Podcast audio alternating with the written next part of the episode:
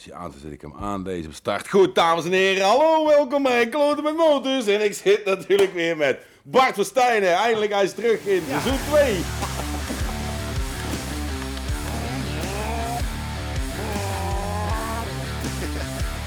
Mijn naam is Paul Cairo en welkom bij Kloten met Motors, de podcast. We mogen weer, we mogen weer.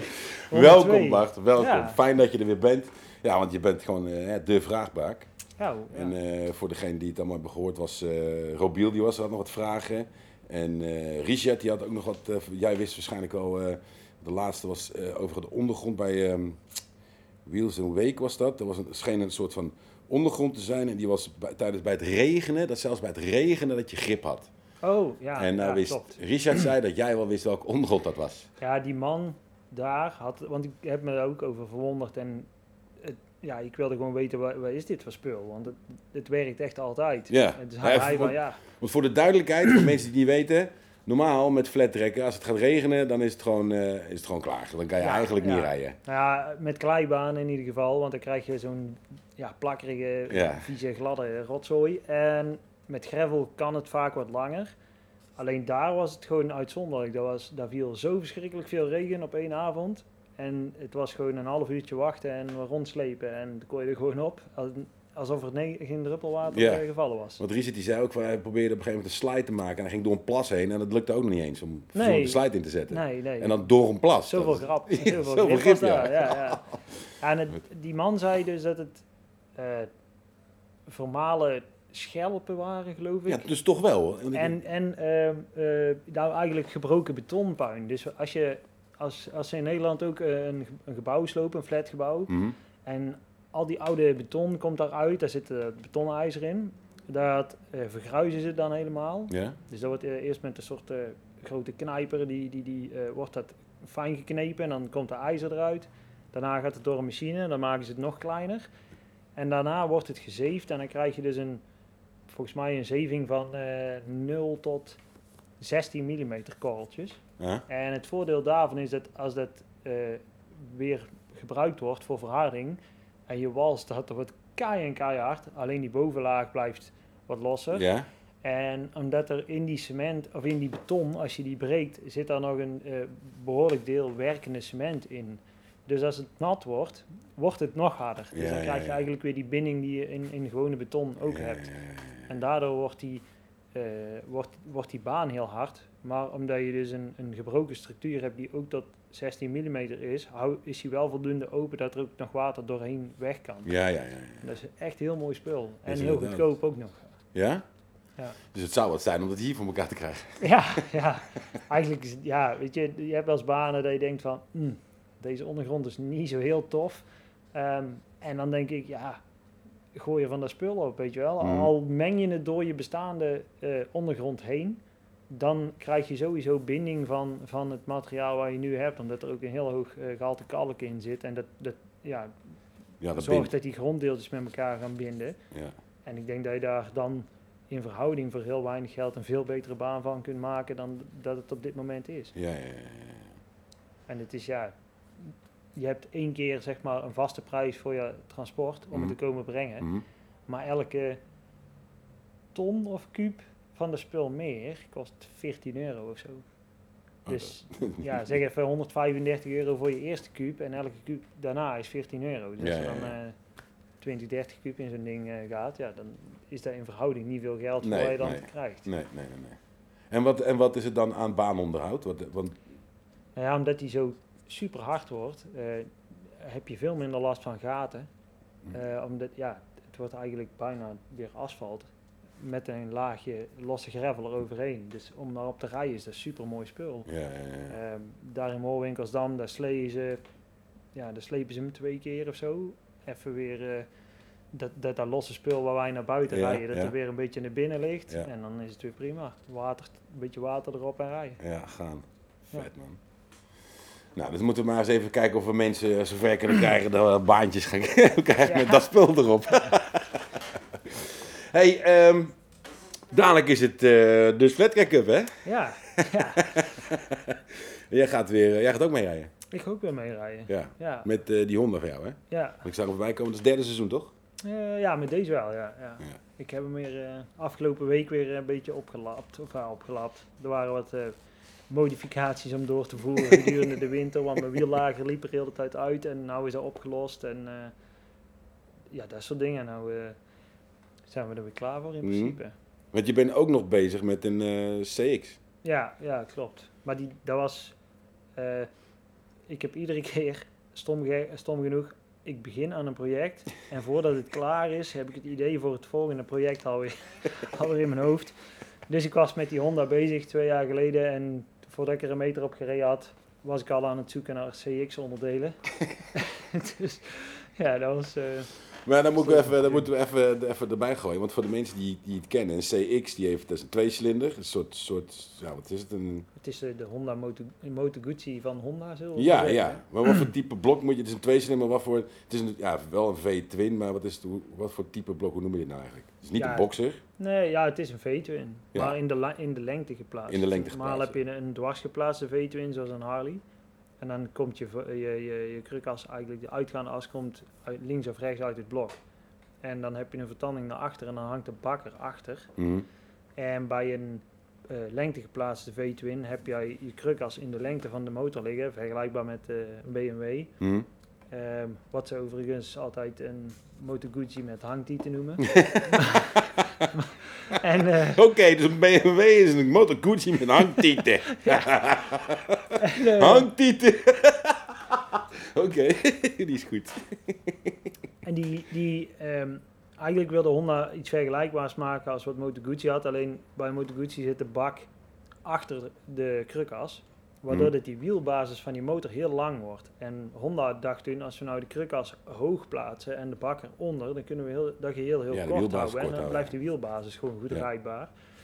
Dus eh, ja, zij hebben toen dat blok gemaakt, eh, watergekoeld in 79, nee, 78 is het eerste jaar. Dat was de 500. Toen hebben ze in, eh, moet ik goed zeggen, 2 of 83 zijn ze met de 650 gekomen. Mhm. En ik denk een jaar of twee jaar later zijn, hebben ze de 500 en de 650 ook gemaakt met een turbo. Want toen had je al die Japanse turbo? merken die ja, vonden dat je een turbo op een eh, motorfiets moest bouwen. dus toen ging dat ding van, ehm, even de- ik dacht die, die 650 ging van eh, 65 naar 100 pk of zo met die turbo. eh, Wow. ja. En die dingen zijn nou echt verschrikkelijk veel geld waard, die, die turbo versies dan. Ja? Die gewone, ja, de CX500 zijn er, weet ik hoeveel gemaakt. GL 500, dat was de voorloper van de Goldwing zoals we die nou kennen. Ah, ja? Allereerste, hetzelfde blok, eh zijn er ook heel veel van. En ik, had toen een, eh, ik heb toen een GL eh, 500 blok gekocht. Omdat ik een, ehm, de, de geschiedenis van Honda in het flattrekken aan het Ja. leren was en aan het lezen. ehm, en toen kwam ik, hoe verder ik terugging in die tijdlijn, hè, in de jaren 80, of, eh, 5, 86 zijn ze kampioen geworden met de RSC 750. eh, versloegen ze Harley mee. Mhm. Eh, daarvoor hadden ze een model dat heette de NS 750. Wat eigenlijk een opgeboorde CX500 was met eh, een, een langere slag. Mhm. Maar het allereerste jaar dat ze met die, met, die, met die motor gingen rijden, was het nog een 500. Dat was een prototype en dat was in 79. En dat opende voor mij de deur om te zeggen, ah, als ik nou zo'n ding bouw, dan kan ik vintage klasses rijden. Ja, ja, is ja. tot en met 1979. En ik wilde eigenlijk ja, het liefst toch met een Honda rijden. Ja, ja, ja. Jij bent een hondengekker. Ja, Ja, ja. ja, en dan werd het of een CB750. Maar dat, dat was leuk geweest als we een hele lange baan hadden, maar die hebben we hier niet. Dus dat ding is veel te lop. En ja, die CX, daar zag ik de uitdaging wel in. Want we deed Honda, ze, namen, ze, ze pakten dat blok en daar hebben ze 90 graden gedraaid. Mhm. Omdat die CX de, de, de kardan-aandrijving rechts heeft, eh, kwam die uitgaande as links uit, zoals je normaal bij een blok hebt met een tandwiel. Ja. En toen hebben ze daar eh, die achterdeksel helemaal aangepast. En die uitgaande as van die bak hebben ze een tandwiel opgemaakt. En eh, op die manier hebben ze dus van die eh, lengte geplaatste V-twin, hebben ze een dwars geplaatste V-twin gemaakt. En die, die- ja, die uitdaging zag ik wel zitten, dus daar ben ik toen zelf aan begonnen. Ja, En, want jij, hebt- jij bent hem ook 90 graden gedraaid. Ja, maar het ja. helemaal zelf moeten gaan maken. ja. Ja. Ja, ik heb die foto's gezien. Ik vond het echt fucking geweldig. Ik bedoel, voor degenen die, die het weten, dus de ongetwijfeld luisteraars die weten waar het over gaat. En eh, die het ook hebben gezien, die, eh, die foto's hebben gezien. Ja, ik vond het echt een tandje knap hoor. Want het is echt wel gepiel om de hele het schakelelement goed te krijgen, die afstand erin te steken en zo. Ja, het is al... eh, Ja, ik had gelukkig heel veel hulp van mensen die daar, die daar de machines voor hebben. Eh, Nick Heren uit, uit uh, Vlijmen is iemand die, die, die doet Nicky heel veel- Heren. Ja, Nick. Die, die doet heel veel frees- en draaiwerk. Als ik iets heb aan mijn motor, dan, dan maakt hij daar aluminium laswerk of iets dergelijks. En ja, ik legde hem eruit, dus hij die, dat vind ik zo gaaf, dat wil ik gewoon. zo, doen. Ja, want ik, bedoel, Ja. Het, ik vond het ook wel cool, want jij vertelde dat. En eh, ik zei, ja, maar dat gaat het draaien. Ja, maar dat is op basis van een motor die gewoon... Dat heeft mij gewonnen. En toen Ja. dat je die foto's liet zien, toen dacht ik, fucking hell, dat is wel interessant. Ja, later, later hebben ze toen, ja, die 500 bleek gewoon te licht voor de banen daar. Eh, met name die lange banen van een mijl. Ehm, en toen hebben ze, hem, ja, hebben ze eigenlijk de, de volledige cilinderbussen, die hebben ze eruit geboord om Mhm. maar zoveel mogelijk ruimte te krijgen. Alleen omdat bij zo'n CX zitten die bussen zitten vast in het onderblok. Normaal als je dan zegt van nou ik wil mijn slag verlengen bij een gewone eencilinder of zo, dan til je die cilinder op en dan leg je daar zo'n eh, dan maak je een spacer en dan Ja. leg je de cilinder terug en dan verleng je de slag van Ja. je krukas en dan heb je, een, eh, heb je meer inhoud. Alleen omdat die cilinderbussen vastzitten, ging dat bij dit ding niet. Dus toen hebben ze bij Honda ehm, de oude bussen er helemaal uitgeboord, hebben ze nieuwe bussen gemaakt, maar die hebben ze eh, eigenlijk gedraaid of gefreesd uit één massief blok staal. Ehm, waardoor ze dus een cilinderbus ma- konden maken die aan de bovenkant een plaat had, een beetje alsof je een, een Engelse hooghoed op zijn kop zet. weet Ja, met ja. rand. Ja? En die had dus precies de vorm van de, dat overgangsstuk van de bovenkant van de cilinder, van de oude cilinder naar de kop. Ja? Dus als je oude foto's van die motor ziet, van die NS750, dan zie je daar zo'n zo'n bruine rand tussen ja, zitten. En dat is dus die volledige cilinderbus die Ja. daar in het blok geschoven is en daar is de kop weer opgezet. Ja, ja, ja. ja, ja. En toen konden ze wel met de slag omhoog. En zo hebben ze er een 750 power. van kunnen maken. ja, ja. Want ik, eh, ja, voordat we, dus straks hadden we natuurlijk ook even in gesprek voordat we aangingen. Ja. Eh, en toen zei jij dat die, die, je kan die dingen stampen naar 11.000 toeren. Ja, ja. Dat is wel fucking Dat veel. is, dat is veel voor een, voor een Voor zo'n dit is 2 80, 80 graden V-twin of zo. eh, Ja, ding. dat ja. is echt veel man. En ik ken ook, ehm, ik ben via die zoektocht naar kennis over, dat, over die motor die ik wilde nabouwen, want het is eigenlijk een replica, eh, kwam ik in contact met eh, David Bostrom. En David is de vader van Eric en Ben Bostrom, die superbike reden eind jaren 90. Oh. En hij heeft destijds heel de voorraad opgekocht van Honda toen zij stopten met het eh, CX-gebaseerde project. Toen ze doorgingen op Dat de- team. eh, ja, ze- die, zijn, die hebben eerst dus het eh, drie of vier jaar met die CX-motoren gereden. En daarna zijn ze naar een nieuw blok gegaan. Dat is- was echt volledig Helemaal nieuw, scratch. ontwikkeld. Die- Ja, op, en dat was luchtgekoeld. En toen hebben ze al die spullen weggedaan. En hij heeft dat spul gekocht. En zei die- ik had zijn hulp nodig, want ik had een aantal vragen waarvan ik bij niemand het antwoord kon krijgen, behalve bij hem. ja. Via via kwam ik daar terecht, een keer een Teams meeting gedaan en toen eh, heeft hij me later foto's gestuurd over hoe de oliepomp eh, aanzuiging liep. Want ja, als je de blok 90 graden draait en je gaat accelereren over een langer stuk, maar het aanzuigpunt zit oorspronkelijk bij een CX eh, links, ja. wat nu dus de voorkant van Links mijn blok voor, is. Ja.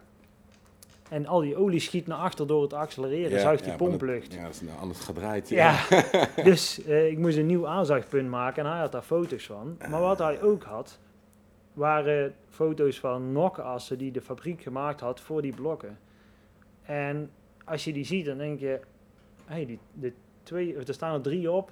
Twee lijken eigenlijk, behalve dat de, de vorm van de nok anders is, op een standaard nokas. En Hmm. één wijkt heel erg af.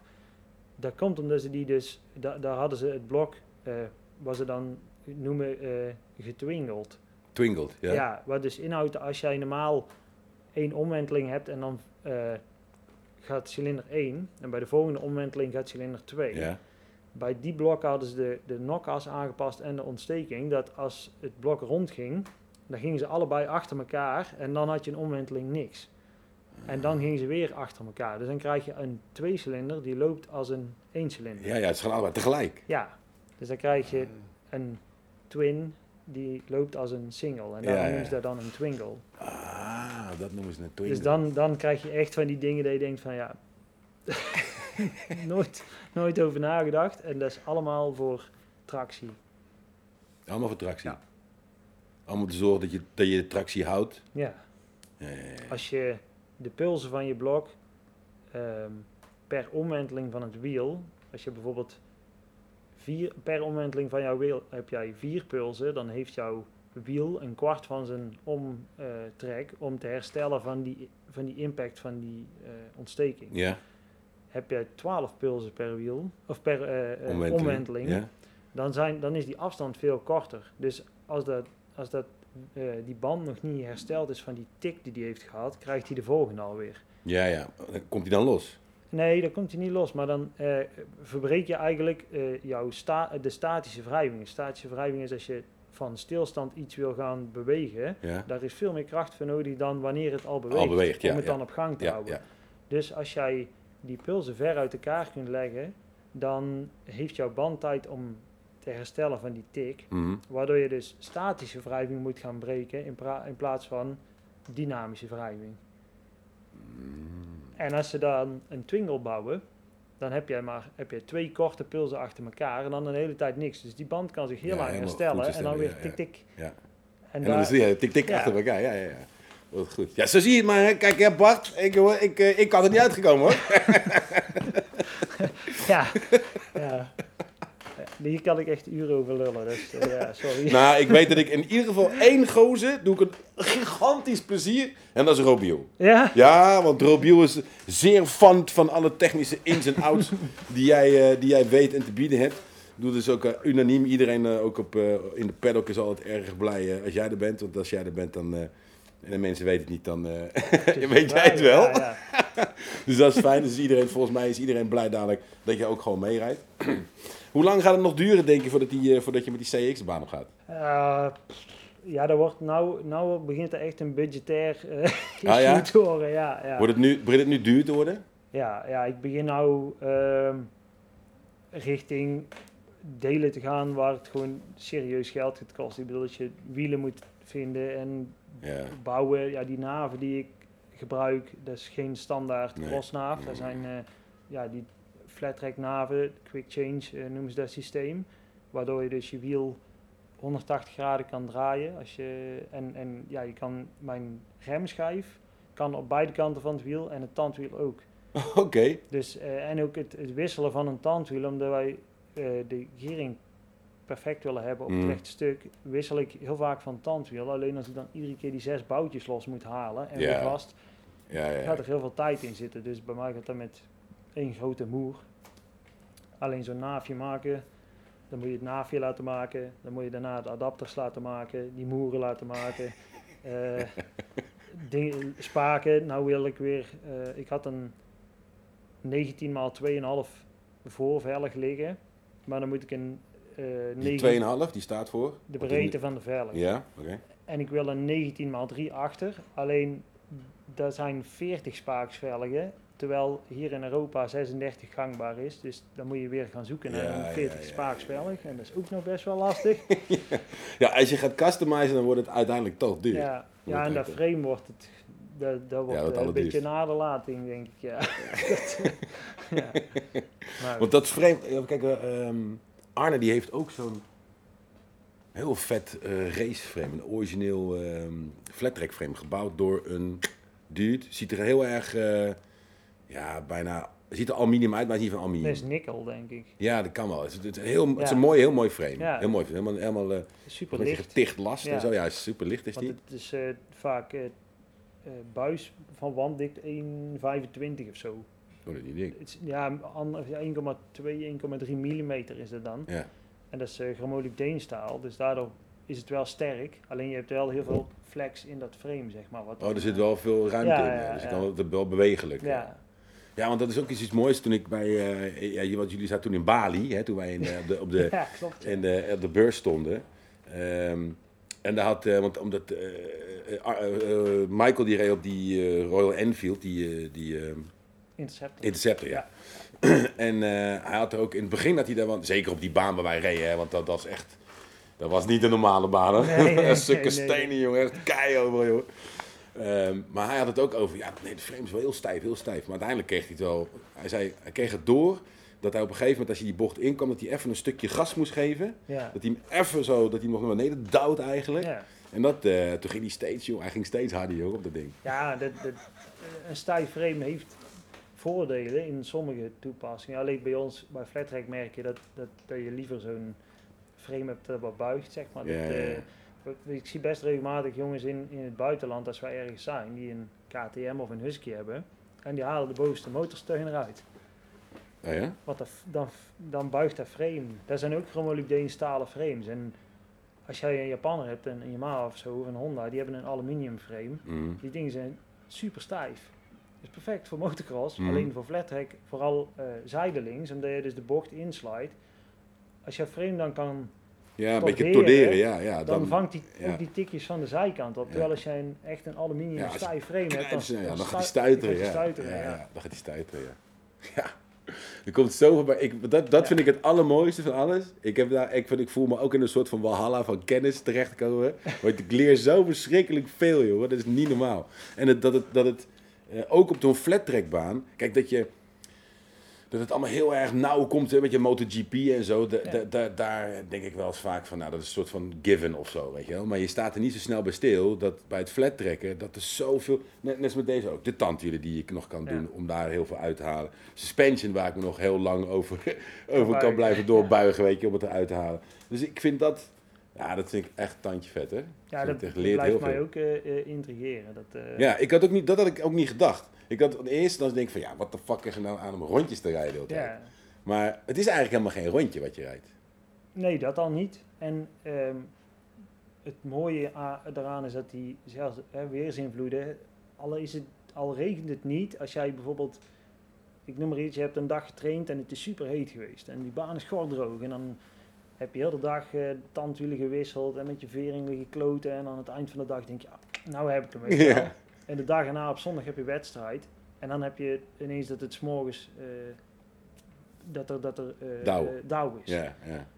En dan is die baan ineens vochtig. Ja, dan kun je heel die setup die Ja. gisteren op in de kliko flikkeren, want dat werkt gewoon totaal niet. nee. En dat, dat is zo bizar. Maar ook als je dit jaar op een baan komt en je komt er volgend jaar weer, dat je denkt van, nou, dan heb ik mijn basissetting. En dit, dit, ja, het, En het is toch leuk, weer anders. Het is mooi om mee te beginnen, want je bent iets dichter bij je doel dan dat je helemaal niks Mm, weet. mm.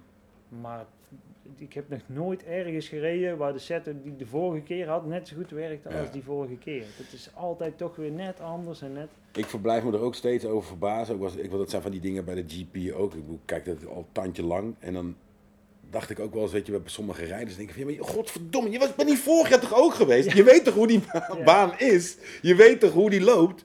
Maar eh, ja, alle veranderingen die natuurlijk ook weer plaatsvinden in de motoren, die Ja. steeds weer doorontwikkelen. Want die, ook die blijven dus niet hetzelfde. Nee. En dan hebben ze die trainingsperiode gehad, de testperiode gehad. Ja, dan moet je dus toch elke keer weer van vooraf aan opnieuw beginnen. Ook al ken je de baan in je broekzakkie, je moet het op een, eigenlijk op een nieuwe motor opnieuw gaan doen. Dus ja, precies. Ja. En die uitdaging, dat is inderdaad... En dan moet ik eerlijk zeggen dat jij voor mij daar de grootste trigger van bent. Want dan denk ik van, ja man, ik wil het ook gewoon weten. Ik wil het ook gewoon echt weten.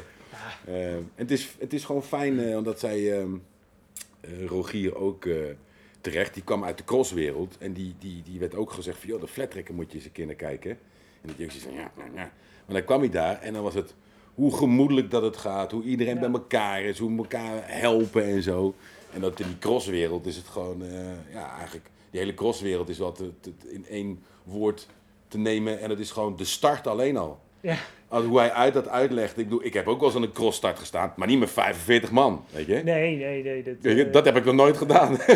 maar ik bedoel, ja, het is... En als je dan ook ziet hoe die cross... Ik zie wel van die stadioncross of die, die grote wedstrijden in Supercross, Amerika. ja, Ja, ja. Ah, die gasten die in, om de havenklap gaan ze met elkaar op de vuist Ja, en zo. ja, ja. En eh, ze rijden elkaar gewoon van de weg af. Nou en heb ik daar wel soms het idee, vooral in Amerika, dat ze er ook een beetje... erom doen. Ik bedoel, ze hebben daar dat, eh was dat, dat, eh, dat worstelen, dat is ook zo'n Amerikaans. Ja, ja, ding, weet je, dat denk de ik, daar, WWE. daar heb je ook een heel stukje character building wat Ja. er dan bij komt kijken, Ja. wat wij hier niet hebben.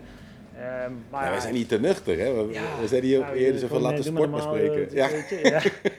maar ik had daar toen ik crosste, had ik, die of had ik de, de, de, de technische kennis die ik nou heb, had ik toen niet. Ehm, en ik merkte wel dat, dat zou voor mij nou ook een reden zijn om, om niet te gaan crossen, is dat bij crossen is het heel vaak ook gewoon, je koopt die motor, je haalt de vering eruit en die breng je naar de verenspecialist, die bouwt jouw vering en je schuift die dingen erin en je gaat rijden Mm. ik, ik heb eigenlijk nog maar weinig of nooit gezien dat mensen daar heel de dag aan het zoeken zijn naar. Ah, ik wil dit Ja. nog en daar tand, tandwiel, ander tandwiel, één tandje eraf of zo. Weet je wel. Dat, Ja. zie je bij, of een, oh, toch even die band wat harder of wat zachter. Nee, dat was eigenlijk altijd gewoon het ding uit de wagen en rijden. Ja, En eh, dat, toen ik met quads ging racen, of ging crossen, was er al iets meer. Dat, daar kwam toch meer bij kijken qua afstelling en zo. mm. En nou met flattrack is dat echt gewoon eh, die... ja, dat is alles, hè. Ja, daar, wint, win je of verlies je eh, een wedstrijd mee gewoon. Ja, want hetzelfde als die, eh die eh, RD3,5 die jij toen als een flat track had Ja. omgebouwd. Want daar had jij, omdat die, vanwege de, de tweetakt, en de, de- de- daar was het weer helemaal een soort van... Ja, die piekte ook heel Ja, erg. dat is heel, heel gevoelig. Leuk in- ding, alleen ja, je moet ze altijd met sproeiers afstellen. Ja. En dus, ja, als je binnen Nederland bleef, liep dat ding mooi. Alleen we zijn toen een keer naar Diedenbergen geweest. Daar gaan we, Waar is dat? Duitsland? ja, ligt net voorbij Frankfurt. Oké. En eh, daar liep dat ding voor geen meter. En ik ben ook ooit toen eh, later naar Noorden geweest. Dat ligt helemaal boven in Duitsland. En daar liep dat ding gewoon helemaal in, in elkaar. Omdat die gewoon de, de, de, niet goed was. Ja, Ah, gewoon ja. De, de schaal liep. En ja, daarom heb, heb ik dat ding toen weggedaan. Ehm, en met de kennis van nu had ik dat ding beter kunnen maken. Mm. Ehm, alleen ja, dat, dat was gewoon echt net als met jouw CR gewoon puur voor de lol om mee te rijden. Mm. En dat ding had al het originele vliegwiel, zeg maar, wat zwaarder is, waardoor het die er minder hard in komt. Want als je daar dan zo'n eh, HPI met zo'n binnenrotor op zet, ja, dan is het helemaal niet meer mee te rijden. Nee, nee, dat is dat niet te doen. Want ik vond het, ik vond het echt knap hoor. En ik denk, wauw man, dat is een 3,5. dat is gewoon twee tak 3,5. En dat liep, eh, dat liep ook echt heel gaaf. Ja. Ja, liep zo fucking en hard. hard ook. Ja, heel hard. Ja. Ik weet ook goed, joh. d- Dat is ook zoiets. Ineens papt het in mijn hoofd dat het dan tweetakt is. Ik vergat toen te vertellen tegen, tegen Arne dat tweetakt geen motorrem heeft. Nee, Dus toen hielp hij van mij, had hij van hem was niet klaar. En ik kon toen niet rijden. Ik zeg, ja, neem die van mij mee. Dus, hij- dus hij gaat gewoon zoals hij normaal rijdt. dus dan gaat hij op het gas af, maar er gebeurt niks. nee dat ding, die werkt alleen als je hem eigenlijk voor de bocht heel even dichtgooit en dan weer En dan open. opengooien. Want anders, anders krijg je dat ding gewoon echt niet in de bocht komen. Ja, dat is echt totaal anders rijden. Ja. Ja, ik Anderzijds, ik vind wel dat als mensen geleerd hebben, of in het leren motorrijden geleerd hebben met een tweetakt, 125 of Mhm. dan ben je gek genoeg gewoon gewend om zo'n ding altijd helemaal open te draaien. En het maakt nou niet uit waar ik op stap, Mhm. ik moet hem altijd helemaal open draaien. en dat, dat, ja, ik kom wel eens met mensen die dat niet gedaan hebben. En die zijn dan eerst op de weg gaan rijden. Ja. En op de weg jij. Kalmpjes, kalm- defensief kalm aan, rijden. Rustig Ja. aan, weet je wel. Dus die zeggen dan, ja nee, maar het loopt goed. En dan in één verstelling, op, bocht uit. En dan komt hij helemaal niet boven in zijn toerenbereik. Waar wij wel willen zitten voor Ja. de stabiliteit. Ja. En dan gaan ze bocht in en dan zie je, zie die motor een beetje slingeren en zo. En dan zeg ik, joh, rij nou eens een versnelling lager. Nee, nee, want dan gaat hij helemaal over de zeik. En, nee, dat doet hij niet. Nee, Maar dat ja, kan hij hebben hoor. Ja, alleen dat is gewoon waar je gewend bent. Die kan echt janken op zijn moeder hoor. Met die 125, toen, toen, ja, toen we leerden crossen, zeg maar, ja, zo'n ding, dat moet je gewoon echt Ja, moet je ook. helemaal Ja, uitmelken. ja, ja. Ik heb het ook op een eh, op 125 in een 80 framepje geleerd. Ja, ja, precies. 100 miljard keer op mijn muil gegaan. want Het is gewoon, ja, de 80, 125 is een 80 framepje. Ik bedoel, het weegt, het weegt helemaal drie keer niks. Nee, precies. En dan 125, ik weet niet hoeveel pk dat hij heeft, maar eh, Volgens mij eh 28 zo, of 30, zo'n ding. Denk ik kan nagaan man, 28 pk, dan zit ik erop. Nou, ik weeg een vlag. Ja, je? dat ding weegt ook niks. Nee, dat ding weegt niks. Maar het is inderdaad wel waar. Het is wel dat je, eh, je moet gewoon hoger in, je, in zijn toeren Ja. zitten. En, en, en daar zit het in, in de powerband blijven zitten. En, nou, ja, dan, en dan raak je gewend natuurlijk aan het geluid. Dus je weet gewoon van, ja, eh, dit is veel te laag. Ja. moet, moet veel hoger. Maar ook voor de stabiliteit. Als je, hoe meer, of hoe hoger je toerental is als je de bocht ingaat, hoe stabieler dat jouw motor is.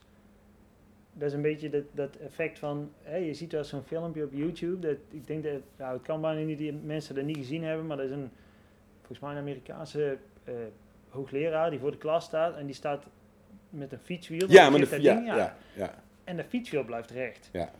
En dat is gy- gyroscopisch effect in Ja. het wiel. En dat heeft jouw krukas ook, als hij maar zoveel mogelijk toeren draait als je die bocht ingaat. ja. Dus als je dan een tik krijgt, dan eh, door die draaiende massa Zit hij is, weer recht. is hij moeilijk van zijn plek te Ja, brengen. ja, Terwijl als ja. dat ding lage toeren draait en je krijgt dan Ja, een dan tik, gaat hij slingeren, eh, ja. Ja, dan ga je slingeren en alle kanten op. Mooi. Ja, ik eh, vind, dat is nou zo leuk aan racen ook, dat al die elementjes, dus het draaien van die motor, dat heeft weer effect op de rest. Hoe, hoe die staat, hoe het draait, wanneer je ervoor zorgt dat je, eh, dat dat allemaal mee kan helpen tot stabiliteit. Ja. Dat is wel lachen. En, da, en dat te ontdekken door eh, het randje op te zoeken steeds, snap je wat op die bal gaat. Ja, Eh, nou, dus dat vind ik wel, dat is wel leuk ook. Maar Een ander ding wat ik nog zeg is dat ik zou beginners nooit adviseren om op het tweetakt te gaan rijden. Nee, als je, nee. zeker, zeker al niet als je dat nog nooit hebt gedaan, moet je denk ik als je het wil gaan flat trekken, is het het verstandigst om op een viertakt te rijden. Want mijn ervaring is, ik denk dat als je op een tweetakt dat gaat doen, dat je zo gefrustreerd raakt, dat, het, dat je het dan niet meer leuk vindt. ja, denk ik ook. Dat denk ik Ja. echt.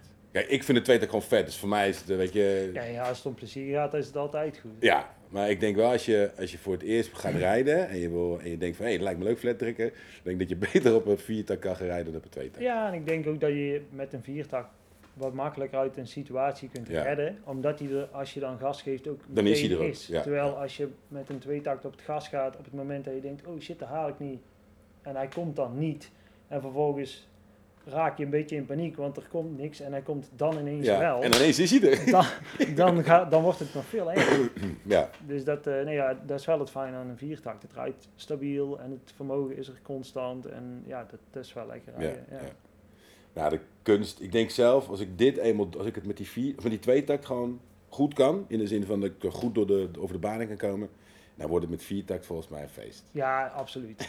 absoluut. Ja. Dus daarom is het voor mij zoiets van, oké, ik heb ook mijn hoofd... En het voelt trouwens ook zo. Ik Volgens mij heb ik het ook tegen jou eens een keer gezegd. Het voelt, aan alles voelt dat ik denk, ja, met deze motor ja, ga ik dat kunnen doen. Ik moet hem gewoon, eh, hij moet nog verder technisch in orde zijn. In ieder geval suspensie moet in orde zijn, de voorkant. ja, En eh, daar had ik met Rogier ook nog over gehad en met Richard. Dat, eh, ik ga het waarschijnlijk toch eerst wel even hier doen. Ik neem Ja. alles mee naar de baan toe. Maar ehm hij zei ik van ja, je kan het gewoon uh, eruit halen, boven eraf, olie eruit. En dan doe je er gewoon, hij heeft het opgezocht, 386 milliliter moet er per poot in. ja. Ehm, en dan wat zei jij ook, welke ik olie kon gebruiken eventueel? Ja, maar ik pak voor die eh, R6 voor ik altijd dikke. 15W of zo. Maar misschien, dat is En dan waarschijnlijk voor 15 W deze- wat? Nee, dat is 15W. Oh, die heet gewoon zo, 15W. Ja, dat is de dikte. En je hebt 10W, 5W, 20W. Oké. Alleen voor die R6 po- te- pak ik dan 15 omdat die dan wat trager wordt. En, ma- maar hier zit volgens mij standaard misschien maar 5W in of zo. Dus als je al naar 10W gaat, dan heb je al veel meer demping dan Ja, ja, ja. dat hij nu heeft. Eh, maar het is vaak het inkorten dat dan eh, het ding is. Maar deze zijn al ingekort. Ja, dat is al Ja, daarom. Maar nee, dan, eh, dan zou ik inderdaad gewoon even kijken met wat dikkere olie, wat het daarmee doet. ja. Nou, dan moet ik ook gewoon een paar dingetjes van meenemen. Ja, Ja, ik zie dit jaar wordt volgens mij voor mij vooral een jaar van uitzoeken, testen en... Ja, ik, ik, ik, tuurlijk wil ik winnen, dat is het ding niet. Zeker ga ik, dat is in mijn achterhoofd ga ik echt wel voor de winst. maar ik weet, ik weet dat dat is, niet alle, dat is niet het zwaarste voor nu. Ik denk dat ik een jaar nodig heb om gewoon even goed eh, alles eh, te knijzen. En als ik eh, zie Ja. waar ik dan uitkom dit jaar, maar dan ga ik volgend jaar wel gewoon knijpen voor de winst. Je moet echt gewoon dingen proberen. Wij gaan nou dan eh, volgend weekend naar Diedenbergen. En voor mij is dat en dat ik even gereden heb voordat we die eerste wedstrijd Mhm. hebben. Want die is op rode, langs de baan die we hebben. Ja, dat is wel spannend. Dus heb ik zelf ook nog keer, als ik nog geen meter gereden heb sinds eh, volgens mij oktober of zo vorig jaar, dan is het misschien niet heel slim nee, om meteen nee, daar. nee, eh, En ik wil gewoon ook een hele hoop testen. Ik heb gedurende de winter weer een hele hoop dingen uitgezocht en dan maak ik dan lijstjes van. Mhm. En dan ga je daar naartoe en dan is het eh, oh, dit baan op, dit, dit, dit proberen. Even de, of ja, je gaat er daar ook op en dan weet je ongeveer wat de afstelling was die vorig jaar reed. Mhm. En dan kom je eraf en dan ga je voor de voet dingen van de lijstje aanpassen, testen. Weer eraf, weer aanpassen, weer testen. En dan Nee. kijken wat, er, eh, wat, er, eh, wat het geeft. Ja, dat is te gek, hè? Dat is echt leuk, ja. Want dan kom je dingen tegen. hoor. We zijn, we zijn vorig weekend of zo uit eten geweest met eh, Richard en Ja. Malinda. En eh, toen zei hij van, eh, heb je deze winter eigenlijk nog iets aan je conditie gedaan? Want dat riep je vorig jaar zo hard. Ik zei, ja, dat roep ik al eh, elk jaar volgens mij sinds ik motorrij. Ik ga deze winter iets aan mijn conditie doen, want dat is mijn bottleneck. En eh, ik zeg, ja, ik hoop, ik, ik, heb mijn, eh, ik heb alle hoop weer gevestigd op het feit dat ik hem technisch zoveel beter heb gemaakt dat het me minder energie kost om erop te rijden. en dat dit niet de bottleneck wordt. nou, ik heb Aan het ook wel... van het seizoen roep ik waarschijnlijk weer dat ik ga sporten. Ik doe- dat weer niet dat zelf conditie Ja. moet doen. Ja, ja, Ja, ik, heb, ik zei het ook en ik heb het tot op heden nog niet, nog niet gedaan. Nou fiets ik gewoon elke dag, dus dat Ja, scheelt. dat scheelt enorm. Maar, maar ik, ik weet dat ik nog wel iets meer naar mijn conditie moet doen. Want dit is, dat is het wel.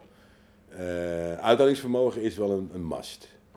Ja, nog niet eens op zo'n lange baan. Nee, nee, maar korte baan. short tracks, Ja. dat is echt eh, dat is heftig. Ja, dat is heftig, ja heftig, man. Dat ja. is gewoon, want dan ben je eigenlijk de hele tijd aan het bewegen. Ja, en dan heb je geen nee, rustmoment. geen rustmoment. En als je een lange baan hebt, heb je rechte stuk, kan nog net even op adem komen. Ja, precies. maar dat is in korte baantjes is het echt werken. ja. Maar dat is wel, maakt het wel eh, heel spannend. Eh, want ik kijk, mijn referentiekader is natuurlijk het omroepen van vorig jaar. ja, En dat was erg spannend. dat Overigens zei Richard dat ze er eentje gevonden hadden.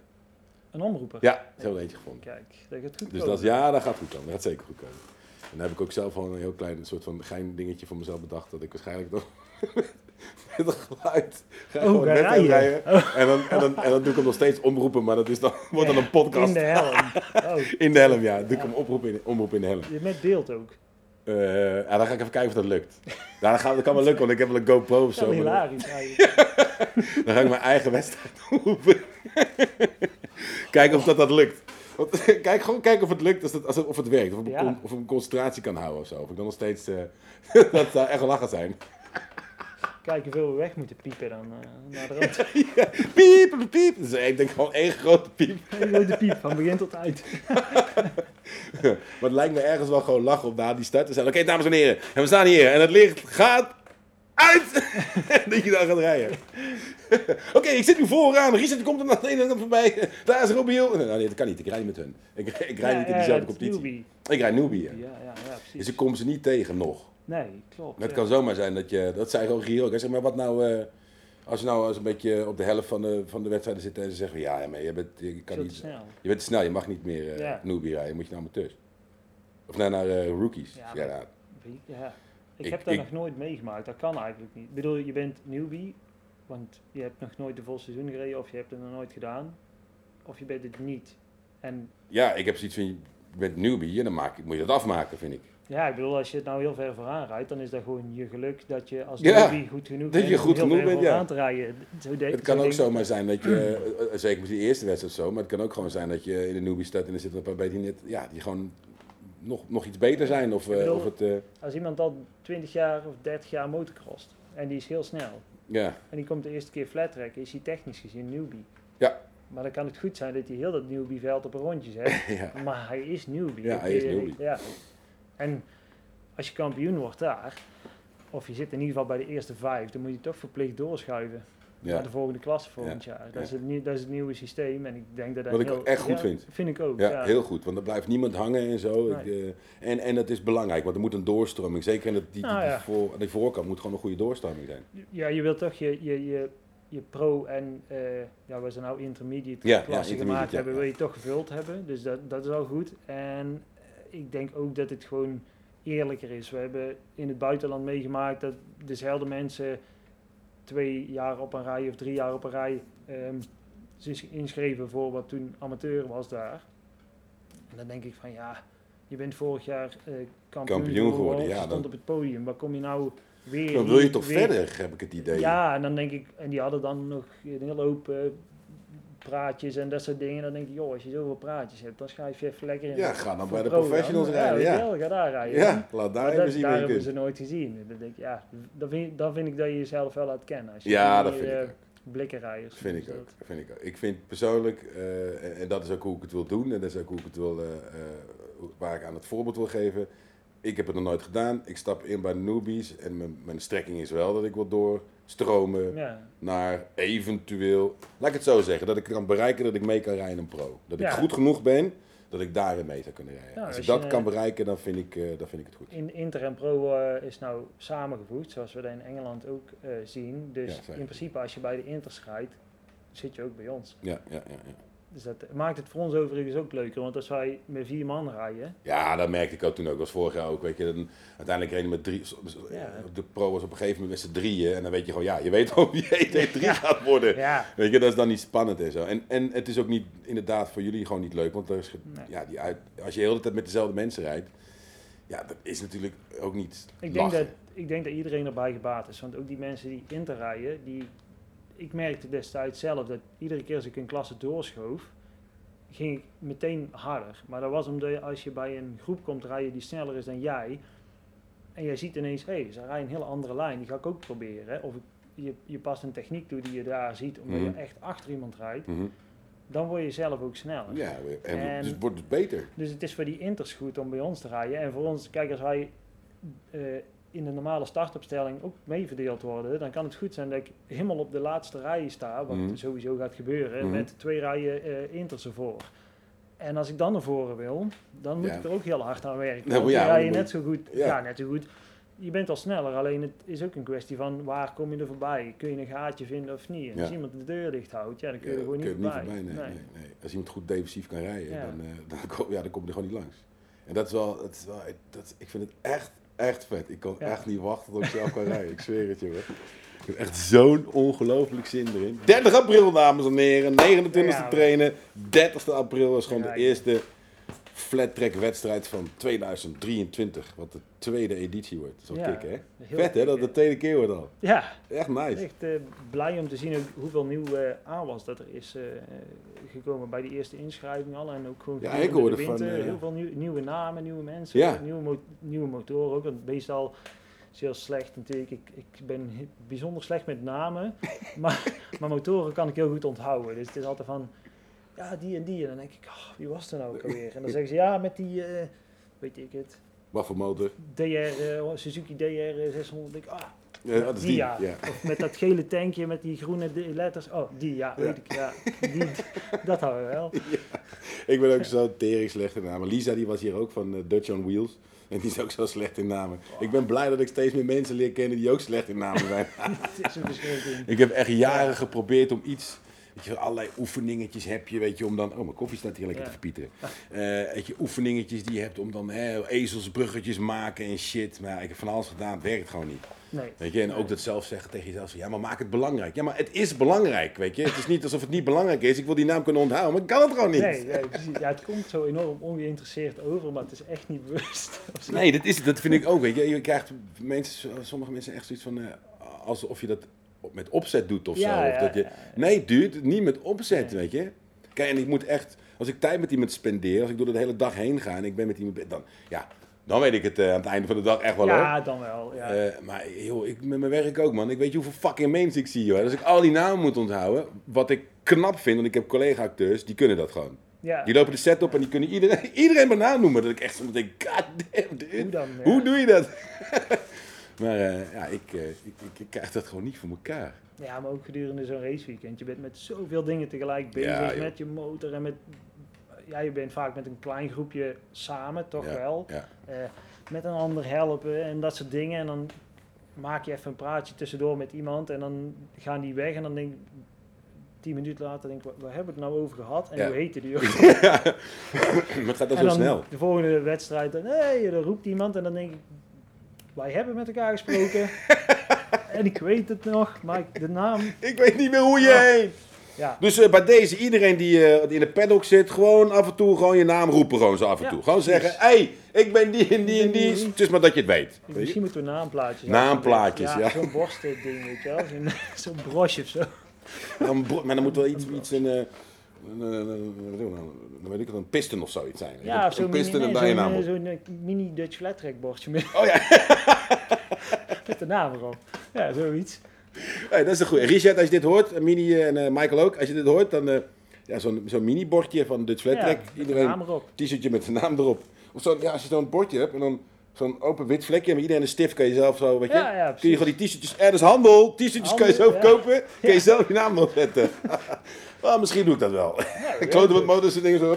Ja. in de markt, op. Ja, er werd al enorm gevraagd om, eh, om shirtjes ook. eh. Ja, En, eh, het komt eraan, dames en heren, het komt eraan. Ik moet het allemaal zelf doen, hè, maar mezelf bekostigen en Ja, al die ja, shit. precies, en. Ik heb het niet in mijn rug groeien en zo. nee, nee, nee, helaas. Want Bart, ander dingetje, nou we het ineens hebben over geld en over ruggroeien. Eh, jij bent gestopt met het poedercoat, hè? ja, ja, dat klopt, ja. Ja, ja dat was eh, een weloverwogen keuze. Ja? Ja, ja ik, eh, dat heb ik vijf jaar lang met heel veel plezier gedaan, maar ja, ik raak nogal een keer verveeld met dingen. En ehm, ja, poeder, poederlak is eigenlijk gewoon heel veel van hetzelfde, alleen die kleur is anders. Mm. En ik merkte dat, dat, dat na vijf jaar, dat was de lol af. En er komt heel veel bij kijken, ook heel veel tijd die eigenlijk niet eh, te vertalen is naar je prijs. Mhm. eh, waardoor dat er, ja, er bleef heel weinig vrije tijd over om dingen te doen ehm, waar ik echt gelukkig van werd. En eh, in het begin werd ik dat van het poedercoat ook, dus dan Mhm. is dat niet erg. Alleen ja, na zo'n tijd, na die, na die vijf jaar werd dat steeds minder. En dan heb je, ja, vorig jaar, ik denk september of oktober of zo, had ik het er met, met Lisa over van, ja, we zullen we er eens mee doen. Want ja, het, is een hoop werk, je hebt ook een hoop kosten. eh, en ehm, ik had eh, altijd in de zomer, als het even wat, een tijdje wat rustiger was met eh poederlakken, dan deed ik er al monteurswerk bij. Dat heb ik altijd eigenlijk al gedaan. En ja, dat, dat beviel zo goed dat ik zei van ja, misschien moeten we er gewoon een punt achter zetten. en dan ga ik lekker eh, door als eh, zelfstandig industriemonteur. Mm. En dan heb ik ineens veel meer tijd. Ik heb geen kosten van een pand huren en heel veel Ja, dingen. ja, ja, ja. En eh, veel minder papierwerk aan, aan facturering en dat Mhm. soort dingen. Dus het geeft gewoon heel, heel veel meer rust. Zowel thuis als voor mezelf. En heel veel meer vrije tijd om Honda CX-blokken te, te vermaken. 90 en, graden eh, te draaien. Ja, ja, dat soort dingen. En nog meer ideeën. Te, nou ja, gewoon, ja, ik merkte dat ik gewoon veel en veel meer plezier beleef. En dat is ook eigenlijk een, een soort onuitputtelijke bron. Eh, het, het uitzoeken van dingen om, om ook voor anderen hun belevingen en het rijden beter te maken. Mhm. Eh, Probleem oplossen. ja, ook. Hè. Jij zei het straks voor de gein van ja, je bent, eh, je- bent een soort van eh, alarmlijn en vraagbaak. Nou, je wil niet weten hoe vaak dat, eh, dat ik gebeld word. En dan, als ik dan een nummer zie, dan neem ik op en dan zeg ik wel met, de met, met de service desk van uh, Met eh Bart Verstijn de Service Desk. Ja, precies. En dan belt Richard op en zegt het is zondag, 200 200 maar, dat is 300 hoor. Ja, oh nee, 200 op zondag. ja. Oh ja? Oh, dat wij niet. Ja, de voorrijkosten liggen heel hoog. Voorrijkosten. Nee, oh ja, ja. weet je, ook bij zijn motor. Hij, wij hebben die van hem toen opgebouwd en ehm, ik heb er ook een, een aantal keer op gereden. En is, toen dacht ik van, ja, die motor die stuurt gewoon heel anders dan die van mij. En het is ook wel een ander soort frame. Alleen toen ging ik met mijn rolmaat een beetje aan het kijken. En toen zei ik van, joh, jouw kroonplaten, die, die offset is zo weinig. En waar die, die, Offset, dat wil zeggen dat die voorvork van de balhoofd afstaat. ja, dat is de hartafstand tussen de balhoofdpen en de vorkpoten. ja. ja. En wat ik vermoed is dat de, de, degene die dat frame ooit gebouwd heeft, waar ik gekopieerd heeft, want ze hebben in, het is een Italiaans frame wat Richard heeft en dat, de, die hebben een, een, een Ron Wood fr- frame uit Amerika, hebben zij eigenlijk gekopieerd en hebben ze metrisch gemaakt. In plaats van alles in inches. Ah, oké. Alleen, Ja, eh, om, iedereen rijdt natuurlijk met die R6 eh vorkpoten. ja, ja. Alleen wat zij gedaan hebben, is dat zij de dimensies van een R6 kroonplaat eh, overgenomen hebben en die gecNC'd en toen daar een setje kroonplaten van gemaakt. Maar de ene is natuurlijk in centimeters en het andere is in inches. Nee, nee, dat, maar, dat is niet eens het verschil. Alleen die R6 kroonplaten hebben maar een offset van 40 mm. Oh, En dat is voor flat track heel weinig. Mijn eh, Honda eh, heeft 65 mm offset. en want wat, wat gebeurt er dan, die offset? Wat, wat, wat gebeurt er dan met de, voor, eh, met Nou de ja, voorkant? eigenlijk is het zo dat als jij een, een hardlijn trekt door je balhoofdpen en je zou die recht, of zeg maar met de hoek van het balhoofd zo naar de vloer laten lopen. Ja? En je trekt dan ook een lijn door je vorkpoot Ja? naar beneden. Of, en je, of recht, zeg maar. Ja. 90 graden over je vooras van Ja. je wiel en dan naar beneden. Dan krijg je een punt waarop die twee elkaar Kruisen. kruisen. Ja? En vanaf eh, dan het punt waar die loodlijn over je, eh, de as van je voorwiel Ja? eh, de grond raakt, tot aan waar die lijn vanaf jouw balhoofdpen ook de grond raakt, daar is je naloop. Vooral, vooral- voor als je nou veel offset hebt, Ja? Ja. dan, eh, dan, loopt, dan gaat die loodlijn, die, die rechte loodlijn die naar beneden lo- eh, loopt over je voorwielas, die komt naar voren. Dus dan krijg je minder naloop. Want die afstand tussen die schuine lijn door je balhoofd en die rechte lijn wordt kleiner. Ah. En dan stuurt hij makkelijker. Ah, ja, nou, ja, ik zie ineens het plaatje. Want de je- druk die erop ja. staat. En daar, ja, ja, ik snap het. Ja, ja. Het nadeel daarvan is, op een hoge snelheid wordt hij instabieler. Dan heb je kans dat hij gaat ja slaan. tanksleppen. Ja, Ja. heb ik die op een baan gehad in eh, Duitsland. Die, was, die baan was 800 meter rond en ik denk dat we op het rechtstuk 100, eh wat gingen we toen 150, 160 of zo. Wow. En toen begon hij dus zo Oh, te stuurtje en ik dacht van oké. oh shit. En nou weet ik, oh wacht, dat was het probleem. Nou had ik ergens via eBay een ander setje kroonplaten voor mezelf gevonden waarbij ik die offset kan veranderen. Met, de, de- dan zit je balhoofdpen zit in een soort ovaal vormpje. Ja? En als je dan de klembouw, de, waar normaal jouw gat, eh, waar de balhoofdpen doorgaat, de vaste maat heeft, Ja?